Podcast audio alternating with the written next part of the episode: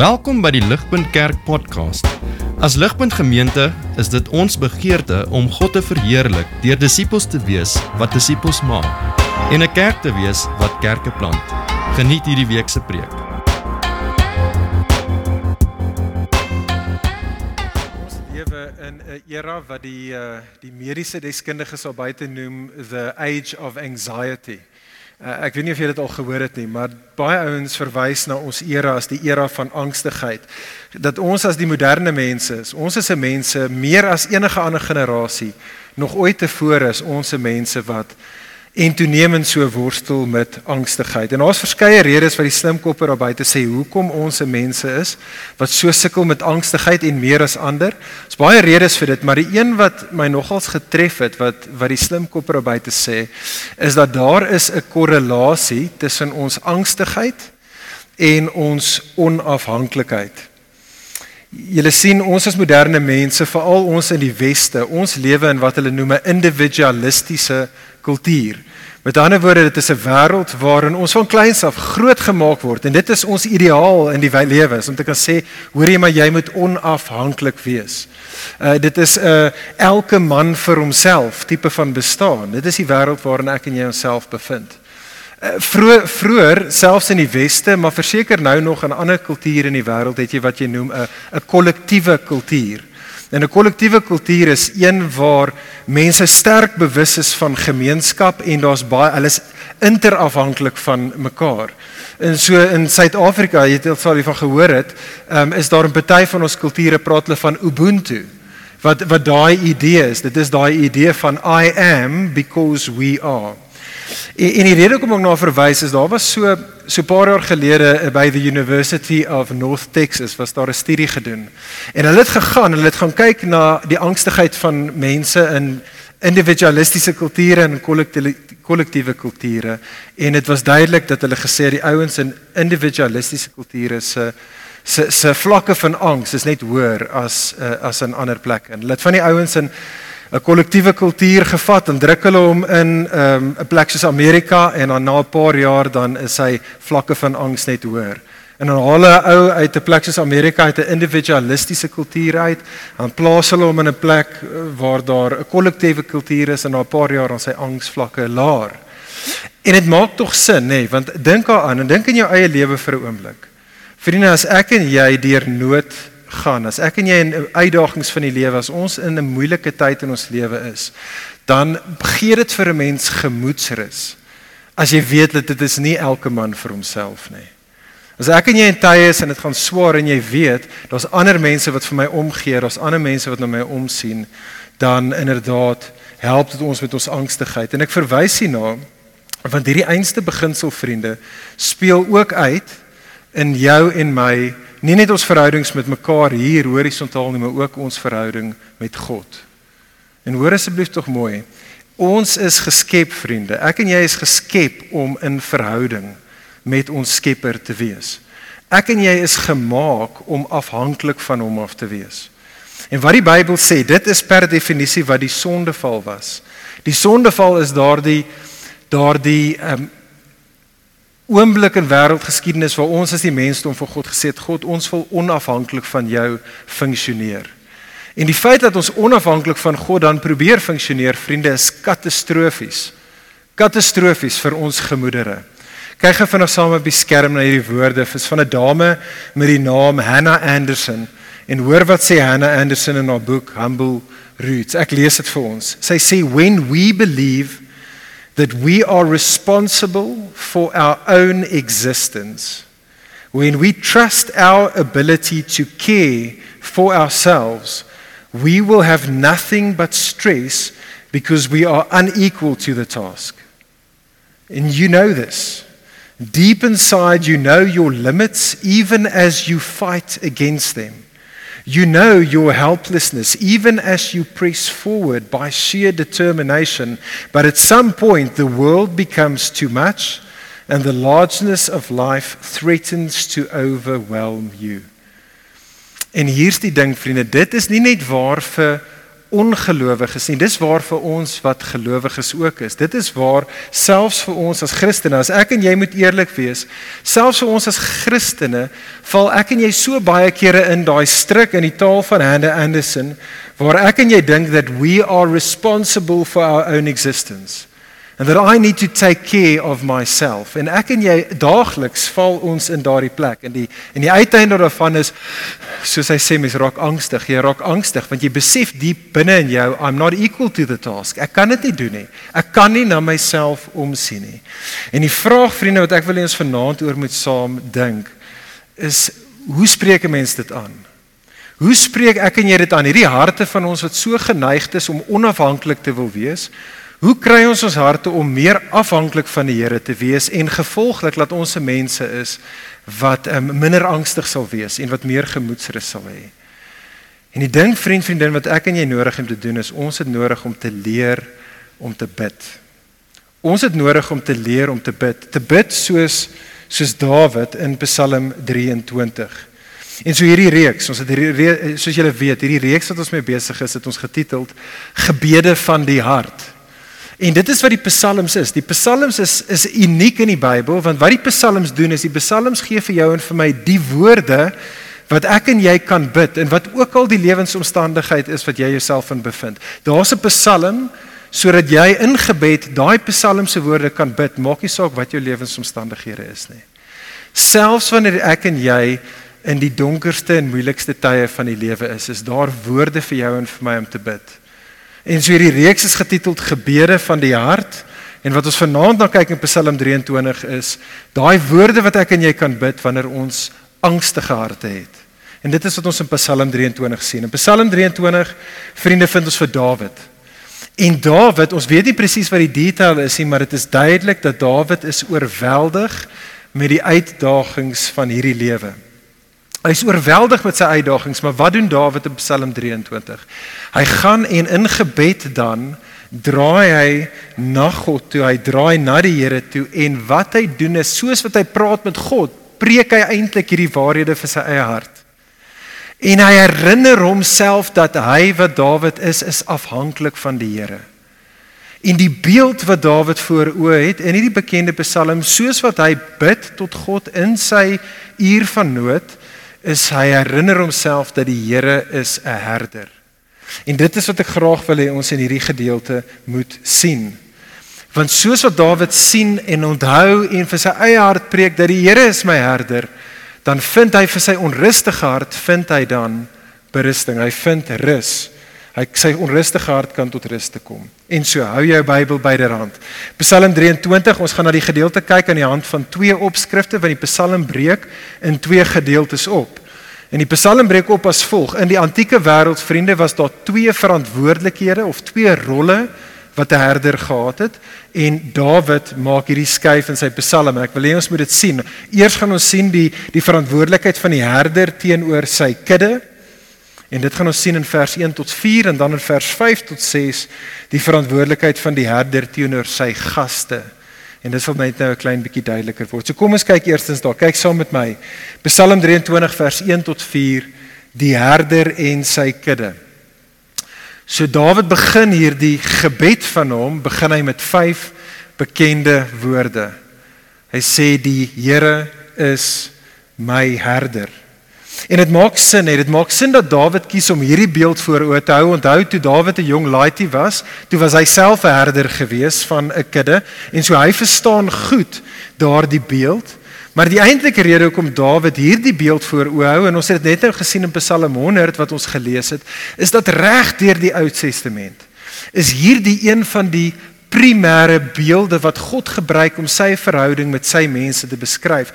God beskryf sy verhouding met Israel asof hulle die kudde is en hy is hulle herder. En dit is wat Dawid dan doen en Dawid soos wat hy sê die Here is my herder. Nou ons weet nie hoe lank hy gestop het by daai vyf woorde nie.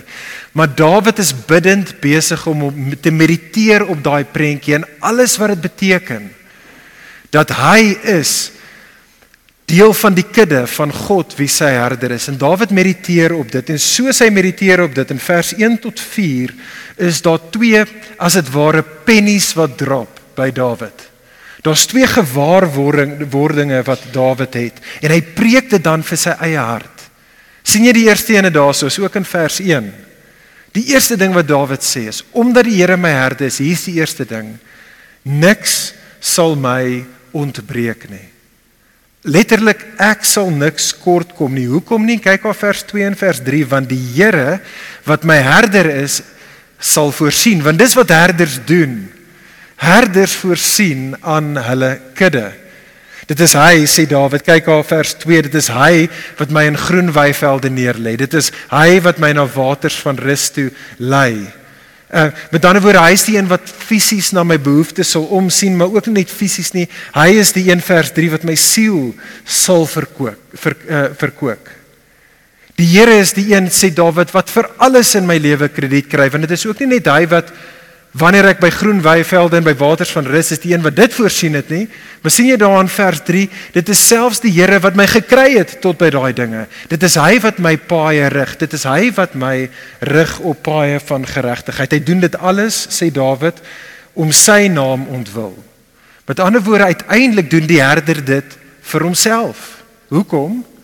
Want die kudde behoort aan die herder.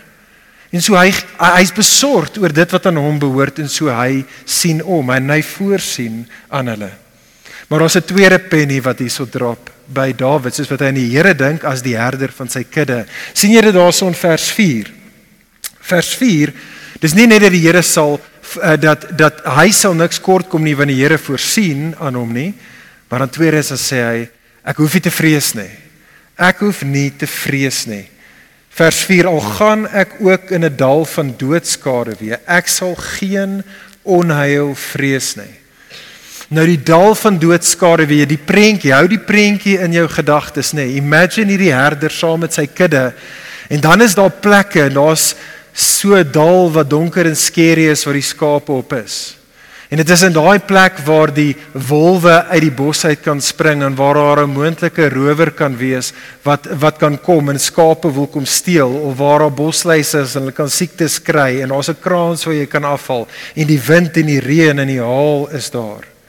Dawid sê in hierdie Psalm dit maak nie saak wat die onheil is wat my tref nie sê Dawid. Dit maak nie saak wat daai onheil is wat my mag oorval nie of dit in my lewe is sê Dawid of dit siekte of swaar kry of teëspoed of teestand of dit my eie sonde is of iemand anders se sonde is en of dit die duiwel is wat my aanval Dawid sê maak nie saak wat die onheil is nie ek sal nie vrees nie.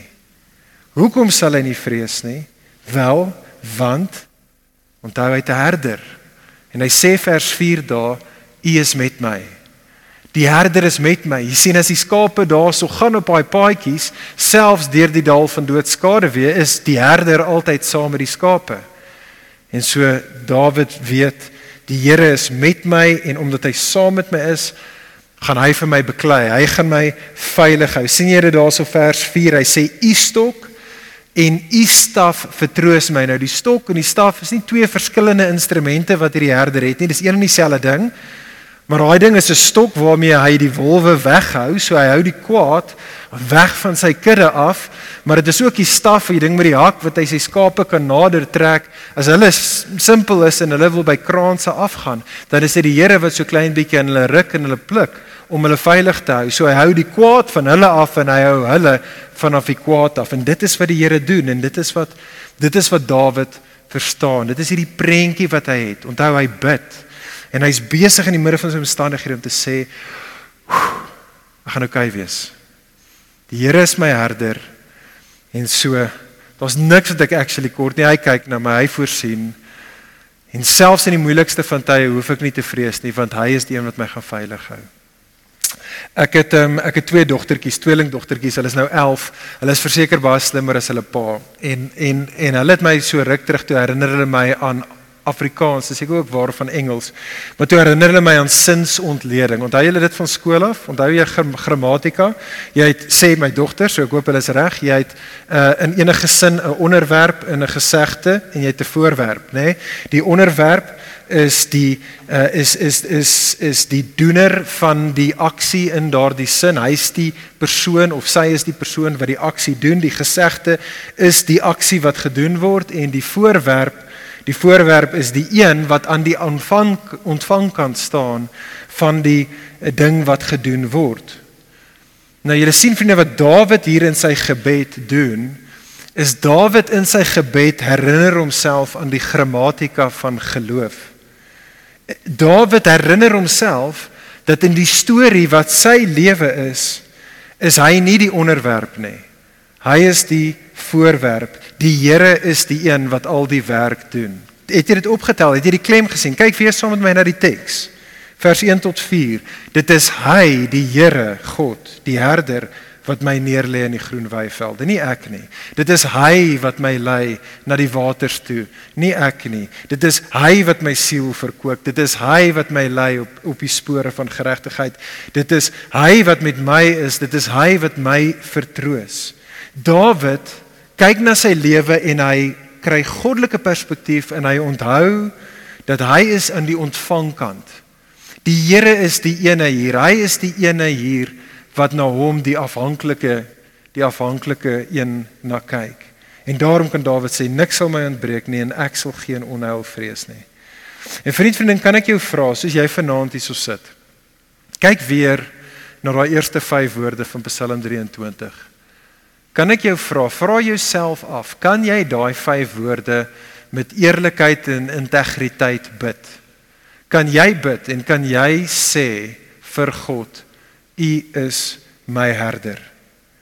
Hoor asseblief tog mooi, vriend vriendin, jy sal net daai woorde kan bid en kan sê die Here is my herder as jy in die eerste plek oortuig is dat jy 'n skaap is. En ek en jy het nodig om daar te begin. Jy sien die ding met skape is dat skape is nie baie slim nie. Skape is nie baie sterk nie. Met ander woorde, skape is behoeftig, skape is weerloos. Maar vriende, die grootste probleem met skape is dat skape is eie wys. Skape wil altyd hulle eie kop volg. Hulle wil onafhanklik wees. En so daar vir daai rede baie bekende teksgedeelte in Jesaja 53 vers 6. Dan sê die profeet Jesaja, hy sê we all we all like sheep have gone astray. We have turned everyone to his own way. Vriend, vriendin, kan ek jou vra, is dit jy? Is dit jy? Het jy al op daai plek in jou lewe gekom waar jy tot die einde van jouself kom? Het jy op 'n plek in jou lewe gekom waar jy diep oortuig is dat soos 'n skaap is jy totaal en al behoeftig. Jy is weerloos. Jy kan nie na jouself omsien nie. Jy kan nie jouself veilig hou nie. En het jy op 'n plek gekom waar jy besef dat in en van jouself is jy dwaas. Jy jy jy jy weet nie hoe om die goeie lewe te lei nie. Het jy op 'n plek gekom vriend vriendin waar jy besef dat jy kan nie na jouself omsien nie en dat jy benodig 'n herder. Want dit is waar die Christenlewe begin. Die Christenlewe begin nie as jy 'n klomp stap weet of jy lewe 'n perfekte lewe nie. Dis nie 'n Christenlewe nie. Christenlewe is jy besef jy's 'n skaap. Ek is behoeftig, ek is weerloos. Ek kan nie myself trust nie. Ek kan nie myself by die groen weivelde en die waters van rus kry nie. Ek het 'n herder nodig. Vriend, vriendin, as dit jy is, is 'n goeie nuus vir jou want daar is 'n herder vir jou en vir my. Daar's vir jou of my 'n herder en die amazing ding is, dit is moontlik vir jou en vir my om die herder wat Dawid hier tot tot bid Ek en jy kan daai herder op 'n dieper en op 'n meer persoonlike vlak leer ken as wat Dawid selfs kon gedoen het. In Johannes 10. In Johannes hoofstuk 10 vind ons vir Jesus op die verhoog van wêreldgeskiedenis kom en Jesus maak 'n aankondiging in Johannes 10 uh, wat vriende as Jesus nie God is nie, is hierdie die mees godslasterlike ding wat enigiemand kan sê. Jesus kom Johannes 10 vers 11 en Jesus sê Ek is die goeie herder. Hoekom sê Jesus is hy die goeie herder? Hy gaan aan res van die vers. Hy sê ek is die goeie herder want die goeie herder lê sy lewe vir sy skape neer. En Jesus natuurlik verwys hier na wat net hierna gaan gebeur op die kruis, net hierna uh, in sy eie lewe. In daai einste vers wat ek net vir ons gelees het, Jesaja 53 vers 6. Ehm um, is daai gedeelte in Jesaja 53 is 'n baie bekende gedeelte in die Ou Testament. Wat bekend staan as hierdie gedeelte wat gaan oor die dienskneg van die Here. Hierdie persoon wat gaan kom en wat na God se mense wat in nood is, gaan hy kom en hy gaan in hulle plek gaan hy gaan hy ly en gaan hy swaar kry. En hoe daai eerste vers verder gelees het, Jesaja 53 vers 6. Daai vers het gelees we all like sheep have gone astray, we have turned everyone to his own way. Maar dan gaan Jesaja aan en hy sê and the Lord has laid on him op die dienskneg and the Lord has laid on him the inequity the sins of us all En dit is wat Jesus die goeie herder dan doen. Dit is hoekom die goeie herder sy lewe neerlê. Jesus gaan na die kruis toe, vriend, vriendin, en op die kruis gaan Jesus en daar op die kruis as die perfekte seun van God, as die een persoon wat altyd in 'n afhanklike verhouding met sy Vader geleef het, gaan hy en op die kruis vat hy die oordeel. Hy vat die oordeel van van God wat God se mense verdien, wat soos dwaase skape op hulle eie paadjies gaan, gaan Jesus op die kruis en hy vat daai oordeel op homself. En hy vat die straf. Hy betaal die prys sodat hy vir sy skape hulle diepste nood kan bevredig, sodat hulle nou maak nie saak wat hulle in hulle lewe gedoen het nie, hulle kan nou versoen word. Hulle kan nou in 'n perfekte verhouding staan met hulle Skepper. En Jesus gaan op daai kruis soos wat hy die oordeel vat, gaan hy en hy oorwin die dood en hy oorwin die duiwel. Hy gaan daar en hy maak seker dat sy kudde sal veilig wees van die grootste van gevare, naamlik die dood en die duiwel. En so kan ek ons uitnooi. Kan ek jou vanaand op nuut uitnooi? As jy dit nog nie tevore gedoen het nie, maar doen dit weer. Kan ek jou uitnooi? Kom na hierdie Jesus toe. Hoor Jesus se woorde Johannes 10 net in daai selfde gedeelte vers 27. Jesus sê my skape luister na my stem. En hulle en ek ken hulle en hulle volg my. Kan ek jou uitnooi? Hoor Jesus se stem soos wat Jesus jou vanaand roep. Luister na sy stem en volg hom. Kom vanaand op net in jou na hierdie Jesus toe en sê vir Jesus: Jesus, Ek word 'n herder en jy's 'n goeie herder wat jou lewe neergelê het vir my en so Jesus, ek gaan jou volg.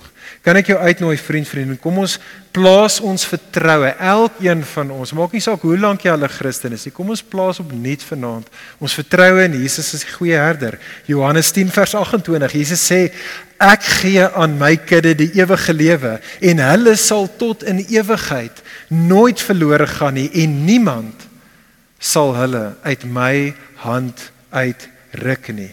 O vriend, vriendin, besef dit. Besef dit as Jesus sy lewe vir jou neergelê het.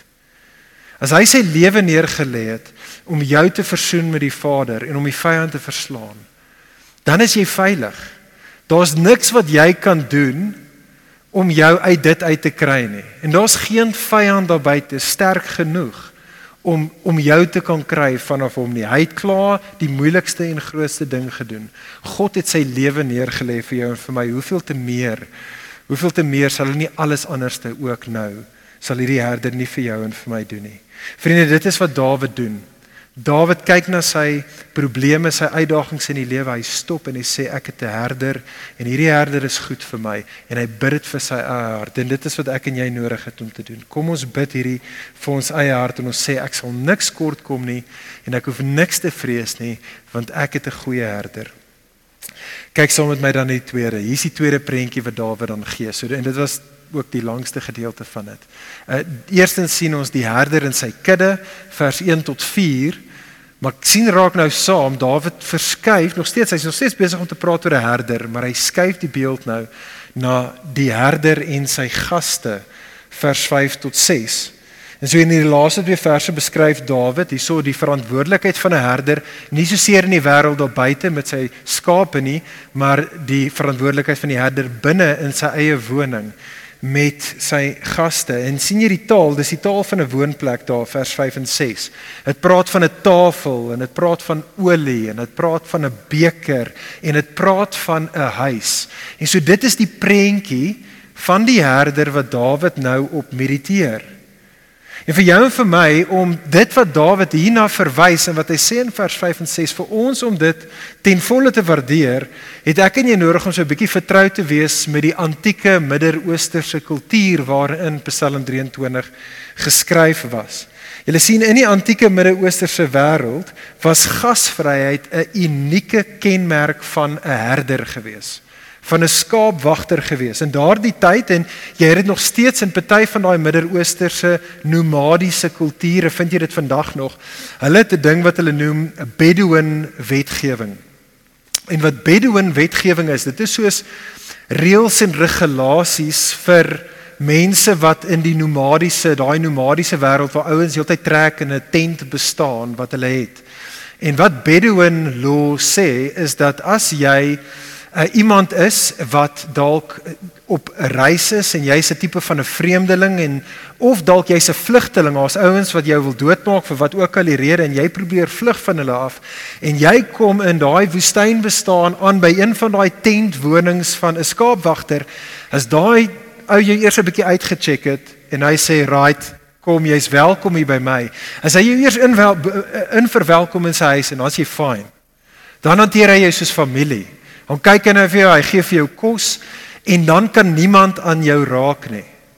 Die naaste ding, die prentjie wat ek in my kop het, is amper soos het jy daai movies gesien. Ja, jy het altyd hierdie flieks waar is een of van 'n fugitive van hy hardloop weg van hy wat hom wil doodmaak en dan hardloop hy en die laaste ding wat hy kan doen is hy gaan by 'n ambassade in en dan maak die hek so op op oop en dan glip hy net so in en dan maak die hek weer toe.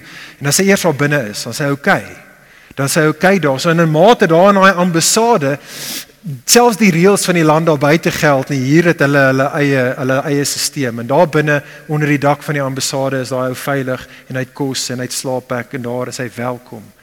En dis amper die prentjie wat Dawid voor o, dit is die prentjie van die herder. Dit is die prent. Dawid in vers 5 tot 6 vriende wat hy sê daar soos wat hy met God in gebed praat is Dawid sê Ek is gereeld in hierdie wêreld en in my lewe sê Dawid, is ek 'n vreemdeling. Ek is gereeld in my lewe as ek 'n vlugteling in hierdie wêreld. Ek word gereeld verwerp, ek is gereeld vervolg. Soveel kere voel ek wat Dawid is alleen en ek is behoeftig, maar die Here is my herder. Hy is die een wat my verwelkom. Hy is die een wat homself oor my ontferm. Hy is die een wat my ingenooi het ten spyte van wat ander se opinie is van my. Hy het my gekies vir gemeenskap met hom en en hier kan ek die goeie lewe hê. Kyk al vers 5. Hy sê u berei die tafel vir my voor in die aangesig van my teenstanders. Hier by u is ek goed genoeg. Vers 5: U maak my hoof vet met olie. Met ander woorde, die Here, dit is asof dit is asof die herder hom hom seën en sê luister, ek like jou. Jy's jy's nou deel van my familie. En, en en Dawid sê dit is die Here as my herder wat my oorvloedig seën hier binne in sy woning. Kyk al vers 5: My beker loop oor. En vriende, hoe bemoedigend is dit nie? Ek weet nie van julle nie, maar ek vind hierdie prentjie onsaglik, onsaglik bemoedigend vir myself. Ek dink een van die groot redes hoekom op die beste van tye ek en jy hoekom ons so angstig is. Hoekom ek en jy so swaar belas is in hierdie lewe op die beste van tye is want ek en jy is pynvol bewus van die feit dat ons is outsiders. Op die beste van tye weet ek en jy dat ons is vreemdelinge en ons is vlugtelinge. Dit voel vir ons asof niemand anders te ons verstaan nie. Dit voel vir ons asof ons altyd uitgesluit word tot wie ook al die ingroepie is. Dit voel so baie kere vir ons juis omdat ons vir Jesus probeer volg. Vir ons wat vir Jesus volg dat ons word verwerp deur vriende, ons word verwerp deur familie, ons word ehm um, dit is moeilik omdat ons vir Jesus volg, selfs met ons geliefdes. So baie kere word ons bespot deur werkskollegas. Uh, baie kere voel dit vir ons dat ons eie geloofsgemeenskap sien ons nie raak nie. Hulle vergeet ons. Ons word gebrandmerk vir ons sondes van die verlede en ons voel dat ons word geoordeel vir die tekortkominge in die Here. En dit is hoe ons voel. En dit is vir mense soos ons wat ons nodig het om te onthou dat die Here is 'n tipe van 'n God wat soos 'n herder is. Hy is 'n God wat in die besigheid is om mense soos ek en jy, vreemdelinge, vlugtelinge te sê kom, kom hierso. Hier is jy welkom. Kom hier na my toe. Hier, ek sal jou aanvaar. By my is daar veilige beskutting en en gemeenskap vir jou. By my sal jy voorspoed geniet. Vriende, dit is die tipe van God wat die ware God is. Die ware God is soos 'n herder. Dit is wat hy doen. Kan ek jou uitnooi? Hoor dit en glo dit en bid dit dan. Bid dit vir jou eie hart. Wees soos Dawid. Preek hierdie vir jou eie hart en sê Here, omdat U my herder is, omdat U die een is wat my verwelkom en verhef vers 6. Net goedheid en net guns sal my volg al die dae van my lewe. En ek sal vir alle ewigheid sal ek in U huis wees. Want U het my reeds verwelkom. Dit is my realiteit. Here, ek ek voel dit nie. Ek sukkel om dit te glo, maar Here, ek gaan dit vir my eie hart bid. Ek gaan dit bid vir U en ek gaan dit vir my eie hart preek. En so vriende, ek wil eintlik daarmee afsluit. Ek wil afsluit met iets wat wat ek um, met my met my kinders, ek het dit vir my kinders gedoen en ek wil ons daarmee los. Ehm um, ek wil hê ons moet hierdie Psalm regtig huis toe vat. En dit gaan so ook so klein bietjie cheesy wees, maar hy ons is nou hier. En so altyd tyd om cheesy te wees. Ehm um, ek wil hê ons moet probeer Psalm 23 onthou uh, deur 'n baie eenvoudige ding. Soos ek sê, ek het hierdie met my kinders gedoen. So vat jou hand, okay? Jy ja, as jy wil kan jy hom nou wel uitsit, maar kyk net so as jy bang is om jou hand op kyk net na jou hand. Kyk net sit jou palm na jou toe. Hierdie is hoe wat ek vir my hoe ek vir my kinders probeer kry om Psalm 23 te onthou. Op die einde van die dag doen ek dit vir myself. Ek weet nie of hulle dit doen nie, maar ek doen dit nou. En dan kyk jy na jou hand en dan sê jy ek het vyf vingers. Amazing. Vyf woorde. Die Here is my herder. Dan kyk jy na jou ringvinger. Of jy nou 'n ring op hom het of nie, is nog steeds jou ringvinger. Dan kyk jy na jou ringvinger en dan onthou jy die Here is my herder. Hy's my herder. Omdat ek in Jesus glo, is ek in 'n verbondsverhouding met hom. En so kyk na my hand en ek onthou ek het 'n herder en hy is my herder. En dan kyk jy na daai Psalm en die vier gewaarwordinge, die vier dinge wat Dawid sê wat waar is vir hom omdat die Here sy herder is. Hy sê ek sal niks kort kom nie. Ek hoef niks te vrees nie. Net goedheid en guns sal my altyd volg en ek sal vir ewig, ek sal vir ewig in sy huis wees. Dan sien jy die duim. Dan sê hy shop. Alles gaan oukei okay wees. Alles gaan oukei okay wees want ek het 'n herder. Die Here is my herder. Vriende, alles gaan oukei okay wees vir ons. Maak nie saak wat in jou lewe aangaan nie. Alles gaan oukei okay wees vir ons want die Here is ons herder. Kom ons bid saam.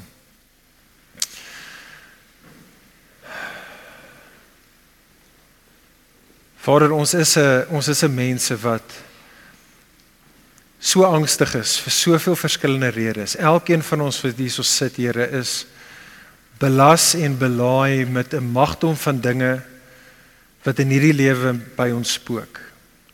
Here, party van dit is weens ons eie skuld, party van dit is omdat ons is ander se skuld, party van dit is net bloot Here omdat ons gebroke mense in 'n gebroke wêreld is. Here, maar ons is so behoeftig, ons is so weerloos. Here, dankie dat U 'n herder is vir 'n uh, behoeftige mense soos ons. En so Here, ek bid dat elkeen van ons wat hier vanaand is, nie net vanaand nie, maar toenemend soos ons hier uitgaan, sal onthou dat U ons herder is. En Here, ons wil dit sing nou. Ons wil sing en sê I will trust in you alone. Here, ons wil nie ons eie koppe volg nie. Here, ons het dit probeer, dit werk nie. Dit bring ons heeltyd net by doodloopstraatjies ten beste uit. En so Here, ons wil sê ons vertrou in U. U is die herder sal U na ons omsien soos U beloof. Sal U aan ons voorsien wat ons kort, sal U ons veilig hou. Here, dankie dat U ons verwelkom. Here, sal U na ons omsien. Ons bid dit in Jesus se naam. Amen. Vir meer inligting oor Ligpunt Kerk, besoek gerus ons webwerf op www.ligpunt.com of kontak ons gerus by info@ligpunt.com